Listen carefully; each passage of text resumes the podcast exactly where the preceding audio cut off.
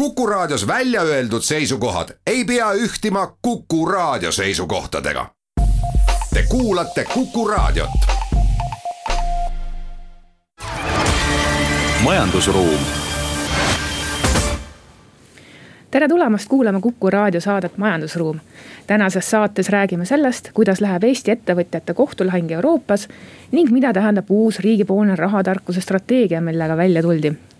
Teises saate pooles on meil aga külas Coop Panga juht Margus Rink, kes räägib nii pangandusest pangajuhina, kui, kui ka siis, siis natuke jaekaubandusest, kuna noh, Coop on ikka Coop ja tal ka natuke seda sissevaadet sinna on. ja saadet juhivad täna ajakirjanikud Toomas Randlo ja Liina Laks. alustame kohe kohtulahingutest ja põnevatest actionitest et seda iga päev ei juhtu, et Eesti ettevõtjad siis suurelt ja kambakesi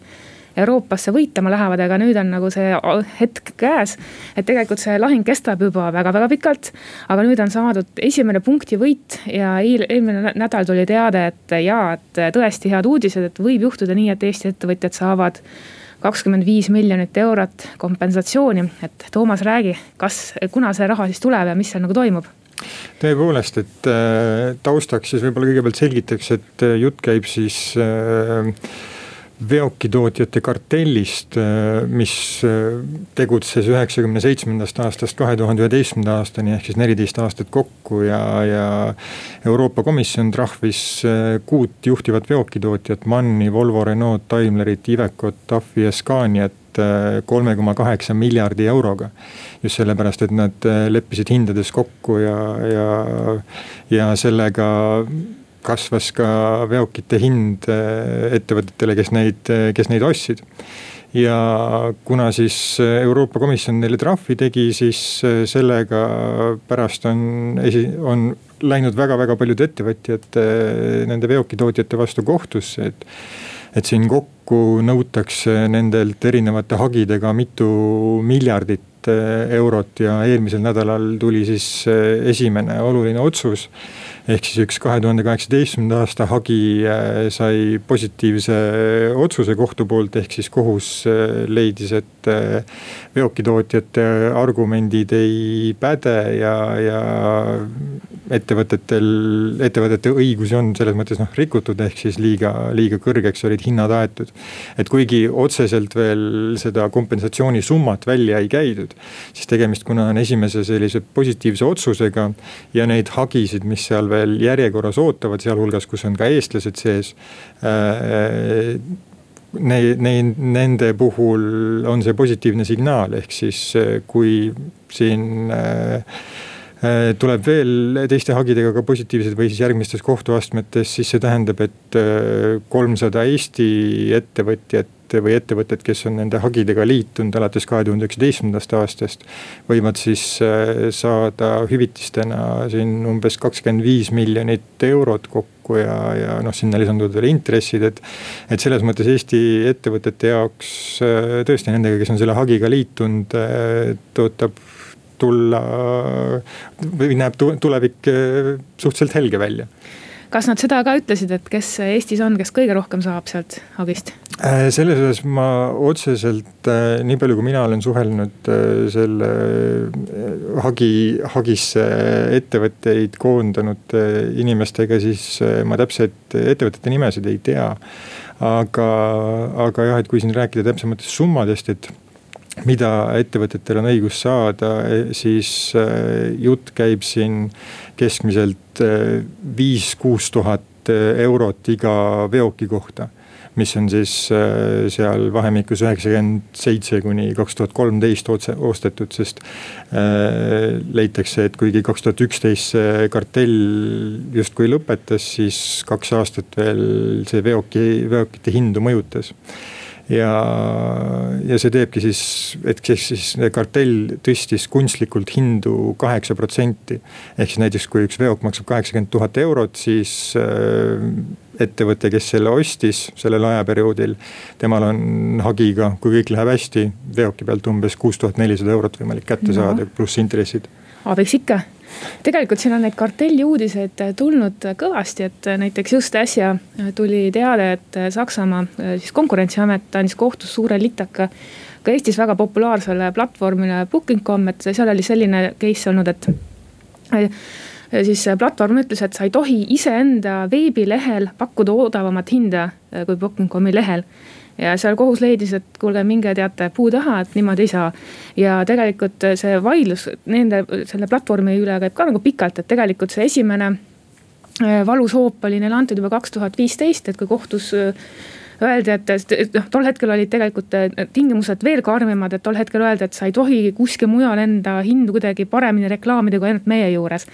et äh, siin noh, et, et meie oleme nagu A ja O ja siis teised ise vaadake, kus saavad. nii et äh, siin noh, selles suhtes on hea näha, et keegi viitsib ka nagu kohut käia ja siis neid tingimuste üle võidelda. aga tegelikult ega eestlastele see Euroopa kohtutee ei ole ka üldse võõras, et näiteks äh, hetkel ju siin Eesti autoomanikud kohati ka ajavad seda asja, et saaks Volkswageni käest nende Dieselgate'i skandaalide pärast mingisugust väikest kompensatsiooni ja eelmise aasta lõpus öeldi, et no tead siin praegust peaksid need kohtulahingud käima, et ei tea, et kas siin koroonade ja muude asjadega ka kuskil neid edasiminekut on, aga äh, siin öeldi, et neid Eesti autoomanikke on ka ikkagi liitunud. nii et äh, kui sealt mingit uudist tuleb, siis hoiame kursis ega muidugi, et kui siin kartellidest rääkida, siis kartelli mõju ausale ettevõtlusele on ju igati negatiivne, et kui me võtame, kui me räägime, räägime sellest veokitootjate kartellist, siis tegelikult seal ju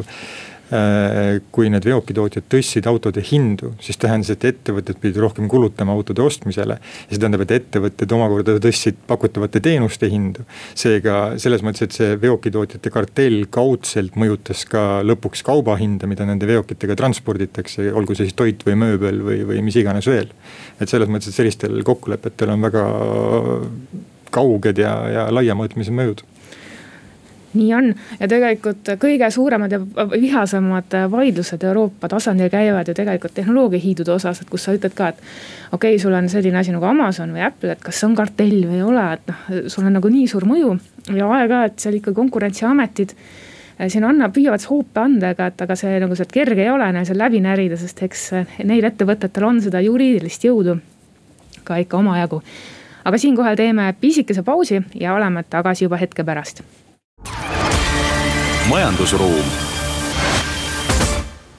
Tere tulemast tagasi kuulama Majandusruumi saadet, et kui esimeses jupis rääkisime sellest, kuidas on siis Eesti äh, veoki, veondusfirmade käsi praegu siin kohtulahingus käimas. siis nüüd võtame ette ikkagi rahateema, kuna meil see majandussaade on. Ja eile tuli rahandusministeerium välja äh, siis sellise kuidas ma ütlengi, masterplaaniga ja sellise suure võimsa plaaniga, et Eesti tuleb rahatargaks koolitada ja siis äh, see hõlmab äh, siis see pakett nii seadusemuudatusi kui ka mingisuguseid hariduspunkte. ja noh, huvitav on nagu selles mõttes teada, et äh, kui, mis on nagu välja toodud, ongi, et umbes iga kolmandik eestlastest no tunneb ikka muret, et kuidas saaks nagu kuu lõpuni elatud. et ei tea, kas nagu ikka rahadega välja tuleb, siis suhtelises vaesuses elab no selle statistika järgi vähemalt, mis seal oli Äh, iga neljas eestlane, mis on kaugelt üle siis Euroopa Liidu igasuguste keskmiste. et äh, siin ei ole Eestil hõisata midagi ja siis äh, ma vaatasin seda natukene seda paketti, mis see tuleb, et täiesti noh, iseenesest nagu jätkatakse natukene selle suunaga, et et tuleb ikka koolidesse haridust anda ja et inimene ikka peaks teadma, mis on raha ja kuidas majandada, sest et oleme ausad, et ma ise olen ka sellest põlvkonnast, kus no oli nii-öelda majandusõpetus, aga kui sul ikkagi tuleb mingi teebet kreedit ette. aga samas te selgitate, et noh, mis see nagu täpselt on ja mida sa sellega siis teha saad selle loomaga, et siis sellest on ikkagi ülivähe abi ja selline asi nagu investeerimine oli ka noh, tead kuidagi mainiti, et kuskil midagi nagu toimub, aga kuidas ja kus, et seda ei tea. aga nüüd tänapäeval on asi läinud eh, õnneks paremaks, et internet on ka läinud paremaks. ja tegelikult eh, noortel on ka need investeerimisvõimalused läinud paremaks, et sa ei pea tingimata hakkama jaurama pangakontode tegemiste ja muude asjadega, et sul on neid noh, igasuguseid lahendusi ja platvorme ja portaalikesi on palju. et kui neid on palju, siis tähendab ka seda, et pettuseid on palju, et siin selles strateegiadokumendis tuuakse ka välja, et jah, et üks asi, mida siis püütakse teha, on ka Eesti inimeste siis pettustest päästmine. sest iga aastaga need petusummad, mida siis eestlastelt välja meelitatakse, on ikkagi, oleme ausad, kolossaalsed, et need ulatuvad päris suurtesse miljonitesse eurodesse nii et eh, Toomas, sa vaatasid ka, panid pilgu peale, mis sul seal silma jäi head? see riigi plaan jah, tõepoolest eh, ma tahaks praegu öelda vähemalt teoorias, kõik kõlab väga ilusti, et, et ma arvan, see on kindlasti vajalik, sest majandusteemad, et alustada majandusteemadega juba nii-öelda maast madalast. ja, ja inimesed sellega võimal-, et inimesed sellega võimalikult kursis oleks, on kindlasti positiivne, sest noh, mulle tundub, et kindlasti on, on hulk inimesi, kelle jaoks majandus tundub nagu selline midagi tohutult keerulist ja, ja kui räägitakse veel börsist ja, ja, ja, ja mis iganes investeerimisvõimalustest, et siis see mõnedel inimestel juba ajab juhtme kinni ja, ja hoopis peletab eemale ja, ja. Ja aga noh, tegelikult majandus mängib väga olulist rolli ja, ja, ja inimesed peaksid oskama ka enda eelarvet kenasti planeerida ja, ja mõelda ka seda, kuidas mis iganes majanduslikud suuremad muutused neile mõju avaldavad. ja nagu sa ka siin mainisid seda pettuste poolt, et see on jah, tõepoolest, see on, see on väga-väga tõsine probleem, et kui me siin kasvõi vaatame äh, noh, see ei lähe võib-olla nii täpselt, nii otseselt sinna, kuhu viimasel ajal iga päev kuuleme sellest, kuidas need pangakelmid inimestelt raha välja petavad, aga teine, mis on veel ka levinud skeem, on see, et inimesed meelitatakse kuhugi investeerima, et öeldakse, et saad väga kiiresti, saad äh, teenid endal kümneid tuhandeid, on ju, ja pane, pane ainult raha sisse ja, ja kohe hakkab kasvama, et. et tegelikult äh, inimestes on vaja seda teadlikkust tõsta, et nad oskaksid hinnata, kas, kas päriselt see pakkumine, mis võib-olla võib kõlada liiga hea, et tõsi olla, kas, kas ikka tasub sinna, sinna raha panna, et, et ma usun, et kui seda teadlikkust tõsta, siis kindlasti see muudab ka kelmide elu keerulisemaks ja, ja inimestele jääb raha kätte selle asemel, et nad kuskile kahtlastesse portaalidesse süstivad mis, mida nagu ei öeldud, on see, et palju tegelikult siis maksumaksjale see programm maksma läheb. et see on see asi, mida ma ajakirjanikuna tahaksin teada, et tullakse välja mingisuguse suurepärase algatusega, aga noh, palju me siis, ega tasuta asju ei ole olemas, eks ole ja ma vaatasin, et äh, mis, kus siis võiks siis äh, raha ja maksuraha rohkem kasutada. jäid äh, kohe silma siis programmis sellised suurepärased asjad nagu rahatarkuse teemalise telesaadete sarja väljatöötamine koostöös partneritega, tähendab nii, et kes tunneb ennast partnerina, pange ennast valmis, et siit saab raha, rahandusministeerium annab teile. siis hakkab Sotsiaalkindlustusamet pensioninõustamisteenust pakkuma. tõenäoliselt see on sellega seotud, et ja vot see on nagu hea küsimus, et kas siis nüüd on need kindlustusseltsid ära otsustanud, et nad ei taha enam äh, siis neid pensioni väljamakseid teha, vot nüüd loed ja mõtled, eks ole. Äh, siis, äh, mis seal veel on, on niimoodi, et, et tahetakse muuta seadust tõenäoliselt niimoodi, et sa saad kogumispensionimakseid vabatahtlikult suurendada, sest näiteks kolmas sammas on ju praegu niimoodi üles ehitatud, et sa saad seda maksu äh, nagu tagastust ainult teatud summa pealt, et seda on ka palju kritiseeritud, et osad võib-olla paneksid rohkem, aga neil saab protsent täis, et see on nagu natukene noh, tahaks rohkem saada, vaata. Äh, siis hakkab,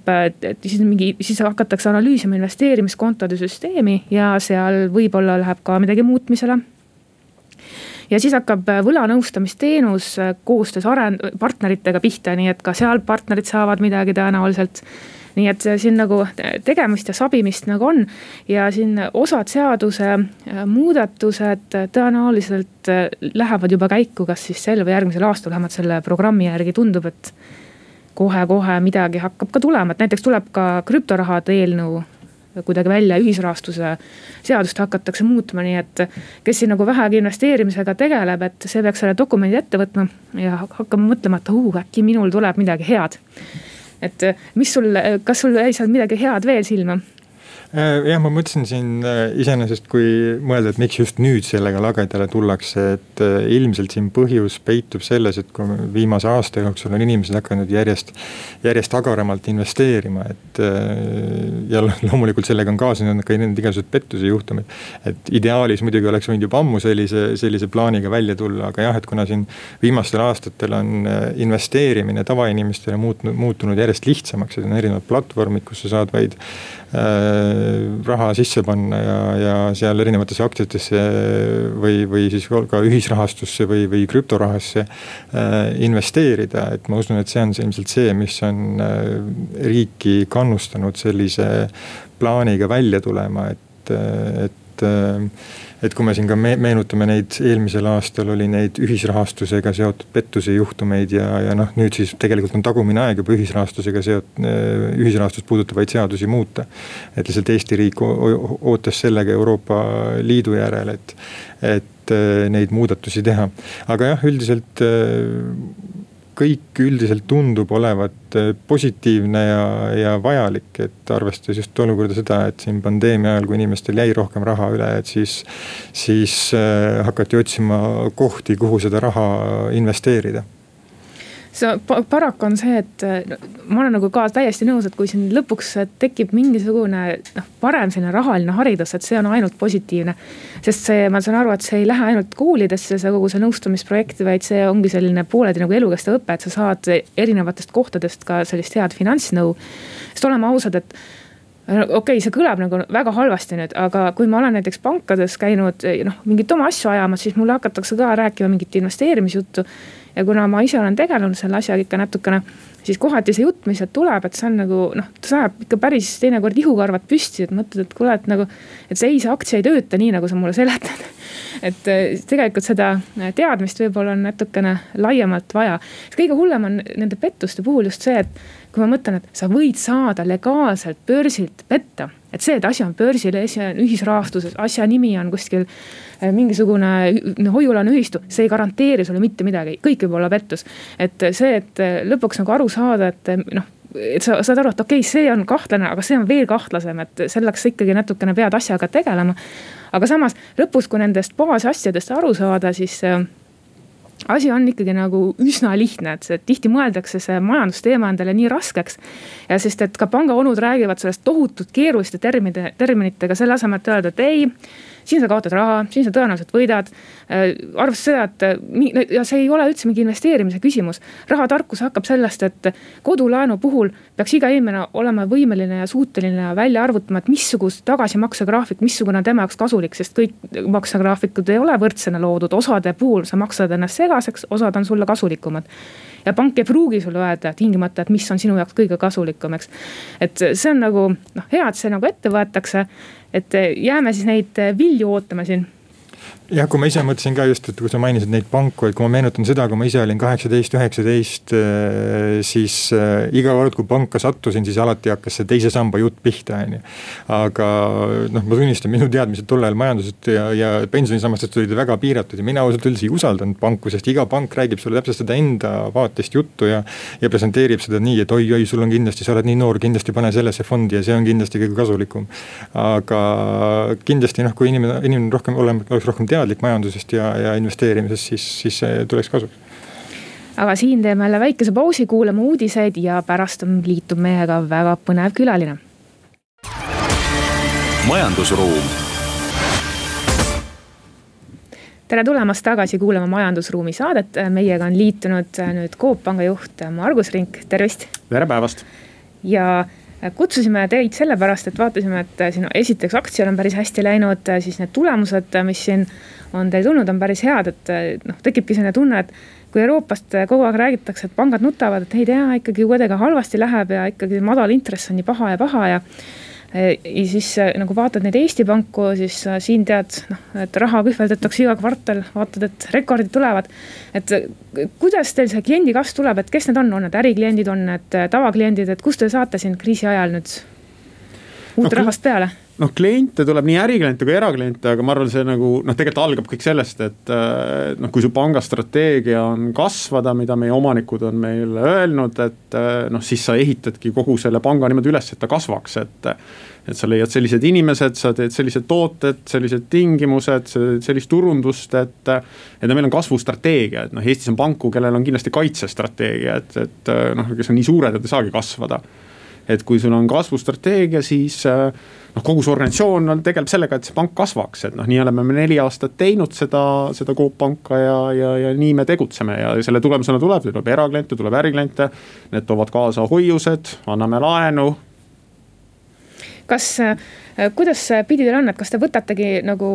siis teistelt kliente ära või lihtsalt tehakse Eestis siis see, et okei okay,, ma teen ka sinna panka lisaks konto ja võtan seal ka laenu? no kindlasti on äh, see teine trend äh, valdavam, et, et äh, kui ma kunagi viisteist aastat tagasi töötasin tolleaegses Hansapangas, siis oli pangandusturg nagu teine ja olukord oli see, et ava ühes pangas endal konto. ja siis me veensime, et noh, et sul on väga kasulik võtta kõik ühest pangast ja see pank tunneb, teab sind läbi lõhki, teeb väga head pakkumised, võta hoiusta meil, võta laenu, investeeringud, pension, liising. tegime auto, varakindlustuse veel, et nüüd tegelikult nagu ikkagi selle viieteist aastaga on olukord muutunud nii palju, et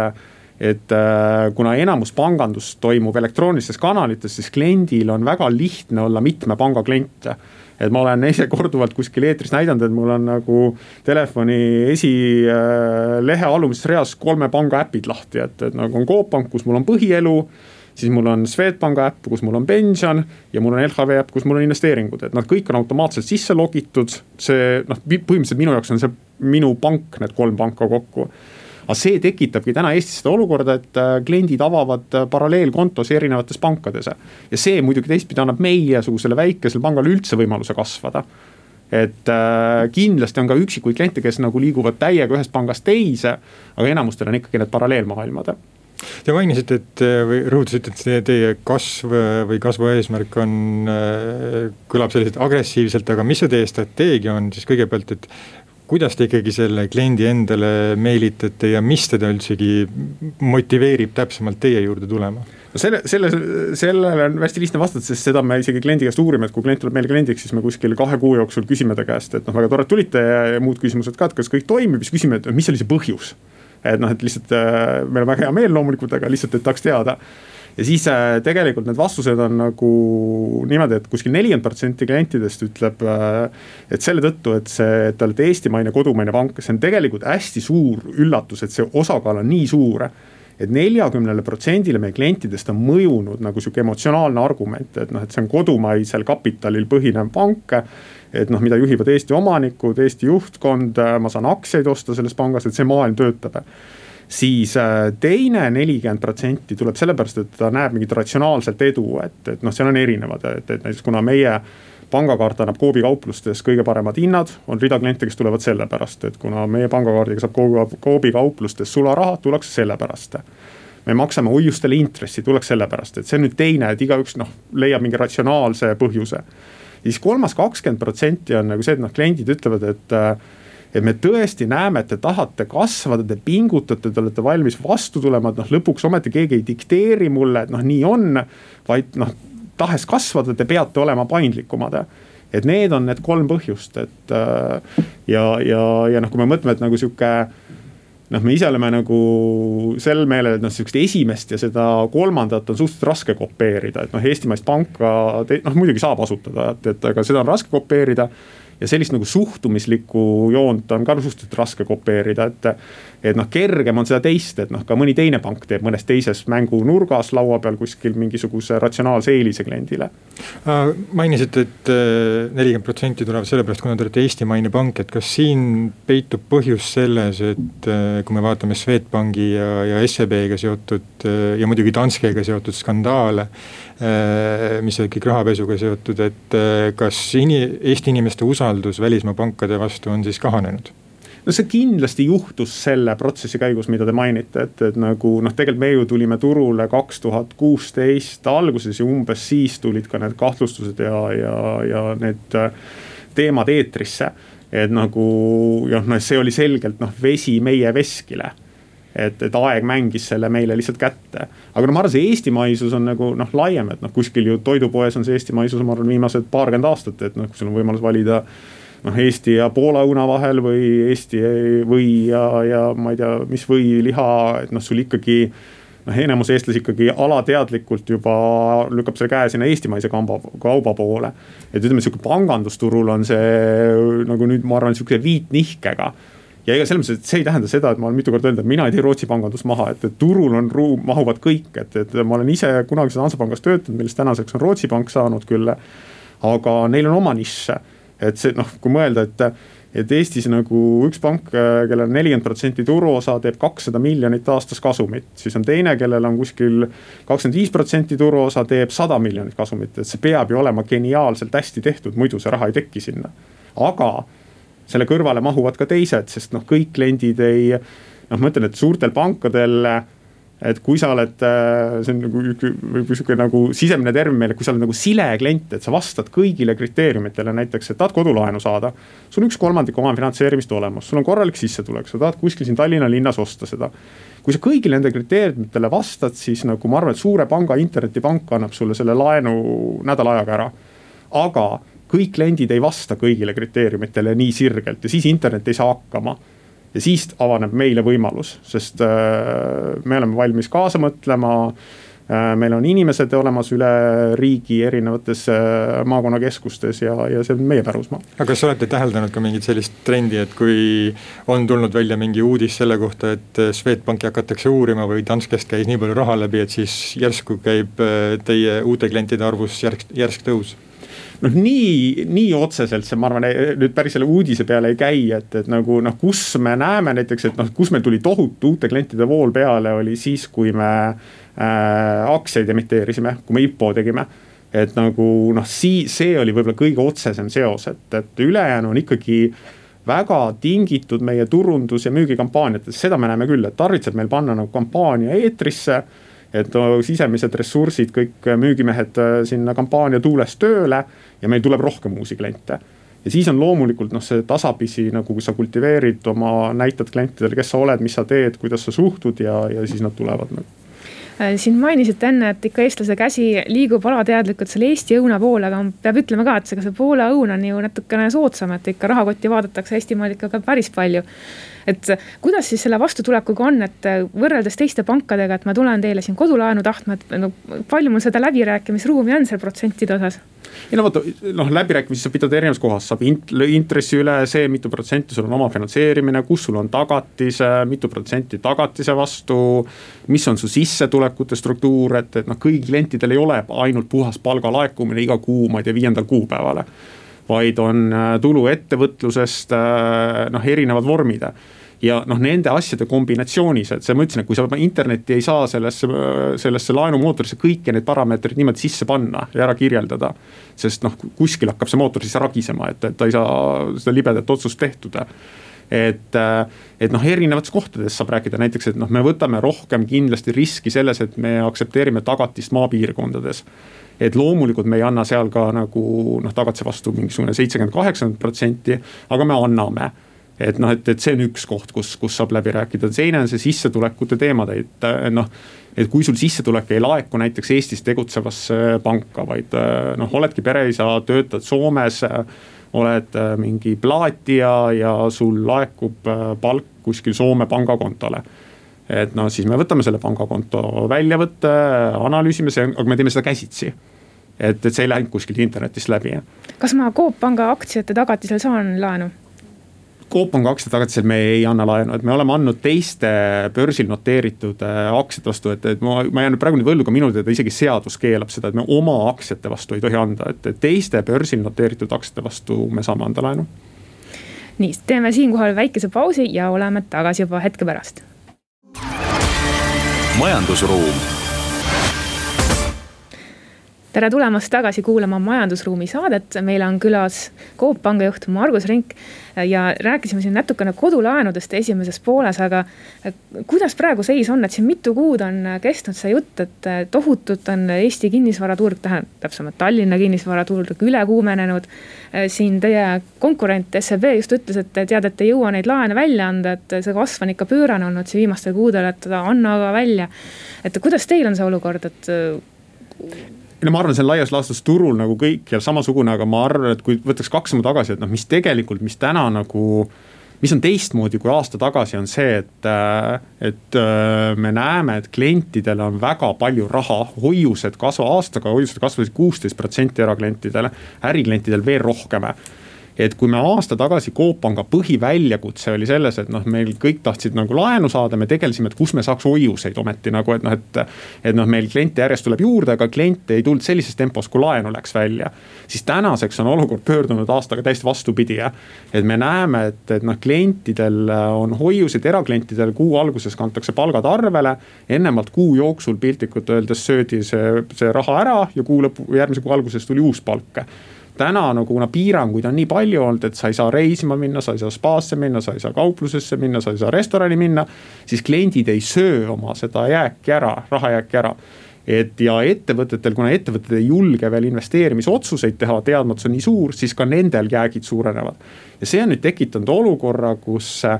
inimestel on raha ja no siis inimesed mõtlevad, mis sellega teha ja siis käivituvad nagu need mõtted, et kui siis keegi teeb ka mingi uudise selle kohta, et umbes, Tallinna kinnisvara hinnad hakkavad varsti nagu. ma ei tea, kuskil see oli keskmine viie tuhandeni ruutmeeter jõudma ja nii edasi, siis inimene hakkab siis mõtlema, et nüüd nagu peaks ikkagi korteri ostma, peaks ikka teise korteri ostma, peaks aktsiatesse panema nagu raha. ja, ja see, seda me nüüd olemegi siis selle aasta alguses näinud, et, et nagu kuidas nagu noh, kõik korterid on ära ostetud tänaseks hetkeks, et äh, aktsiad on enamuses nagu tõusnud, sest äh, raha otsib äh, kohta, kus rakendus leida ja kui sa siis nüüd mõtled edasi, et sügisel valatakse sinna kerisele veel nagu kuskil miljard äh, euro, eurot äh, pensioniraha juurde, et üks koma kolm miinus maksud, et, et noh, üks miljard nähtavasti on see, mis tuleb peale. ka see hakkab otsima nagu, et, et sellepärast ma korra olen paar nädalat tagasi öelnud, et äh, ma nagu noh ma ikkagi hirmuga mõtlen, mis tarbimispidu sügisel nagu aset leiab. ja võib-olla isegi juba praegu, et kohe, kui need piirangud hakkavad ära kukkuma, et noh, inimestel on tahe teha, minna välja sööma, minna reisile, puhata. ja kuna nagu seda raha on ikkagi täna rohkem, siis no ma arvan, ratsionaalsust on kübeke vähem. loomulikult on rida inimesi, kes on elanud ka selle aasta peos suhu ja kes on tööta olnud ja, ja kellel on jätkuvalt väga raske aga neid inimesi, kellel raha rohkem on, on, on ikkagi selle aastaga väga palju juurde tekkinud.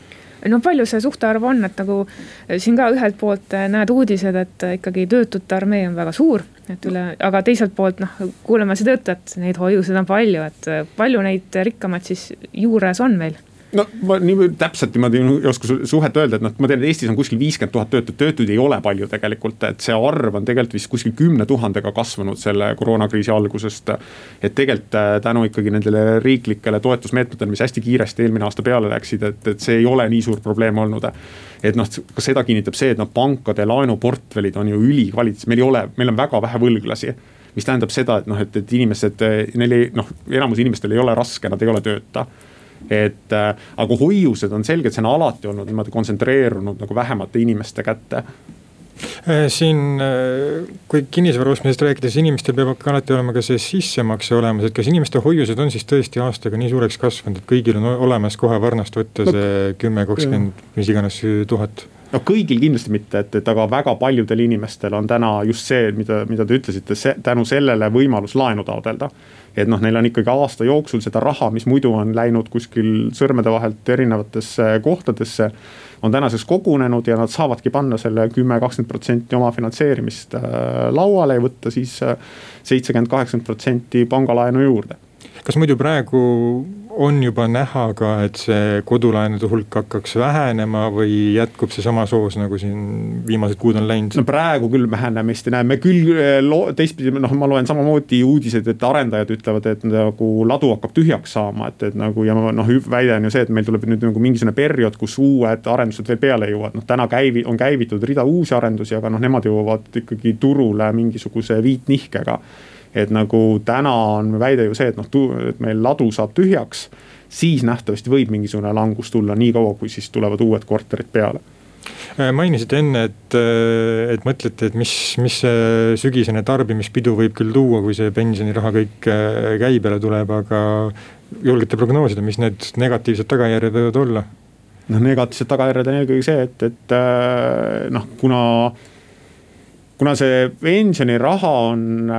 noh, kuidas öelda, ma ei tea, mis see õige väljend on, et, et nagu vaata see igapäeva, igakuine palk on sihuke raske tööga teenitud, et pensioniraha inimesed näevad, et see tuleb nagu kuskilt, see on küll minu palgast kõrvale pandud ja riik on sinna juurde pannud